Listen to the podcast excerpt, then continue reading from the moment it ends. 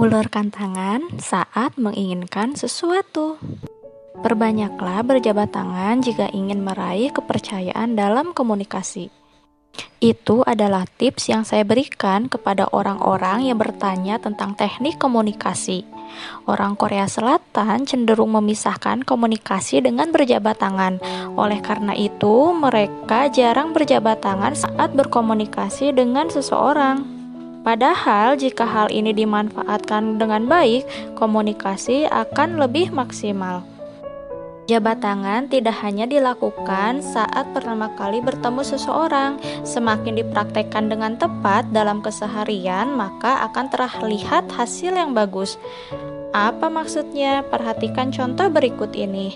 Situasinya adalah seorang pengelola apartemen harus meminta kerjasama para penghuni untuk memilih sampah.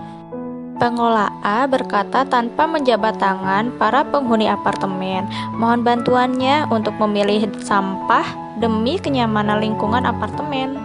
Pengelola B menjabat tangan para penghuni terlebih dahulu sebelum menyampaikan maksudnya. Mohon bantuannya ya untuk memilih sampah supaya lingkungan apartemen kita lebih baik lagi. Kalimatnya sih sama, tapi apakah hasilnya sama?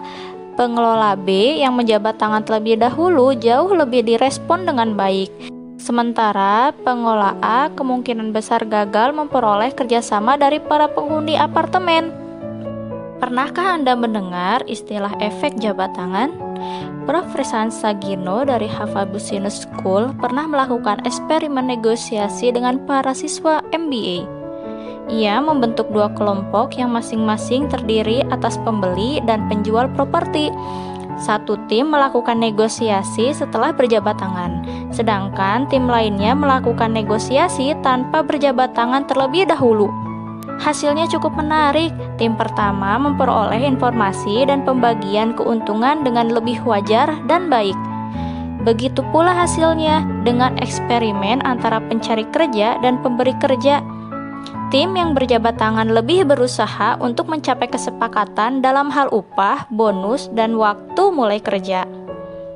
Efek jabat tangan dapat dipergunakan dalam berbagai kegiatan sehari-hari.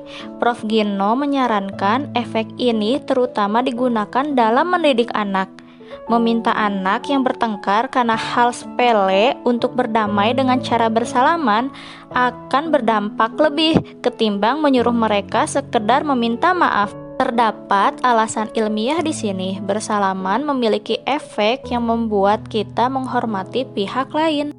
Oleh karena itu, saya selalu mengajak anak-anak untuk memberi salam kepada penghuni lantai bawah sambil membawakan hadiah kecil. Di saat seperti inilah, bersalaman terlebih dahulu sebelum membuka percakapan akan membuat kita jauh lebih mudah mendapatkan hati orang tersebut.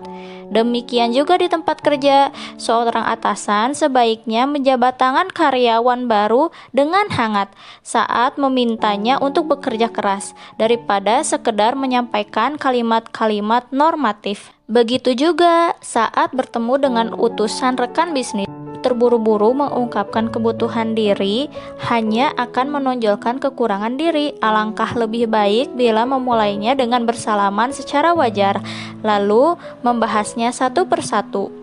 Mari bersalaman dengan tangan kiri sebab bagian itu lebih dekat dengan jantung saya, kata Jimi Hendrix. Sementara Perdana Menteri wanita pertama India Indira Gandhi juga pernah berkata, "Kita tidak bisa bersalaman dengan tangan terkepal. Perhatikan bahwa pintu hati akan terbuka saat kita berjabat tangan." Diambil dari buku komunikasi itu ada seninya. Oh, Suhyang.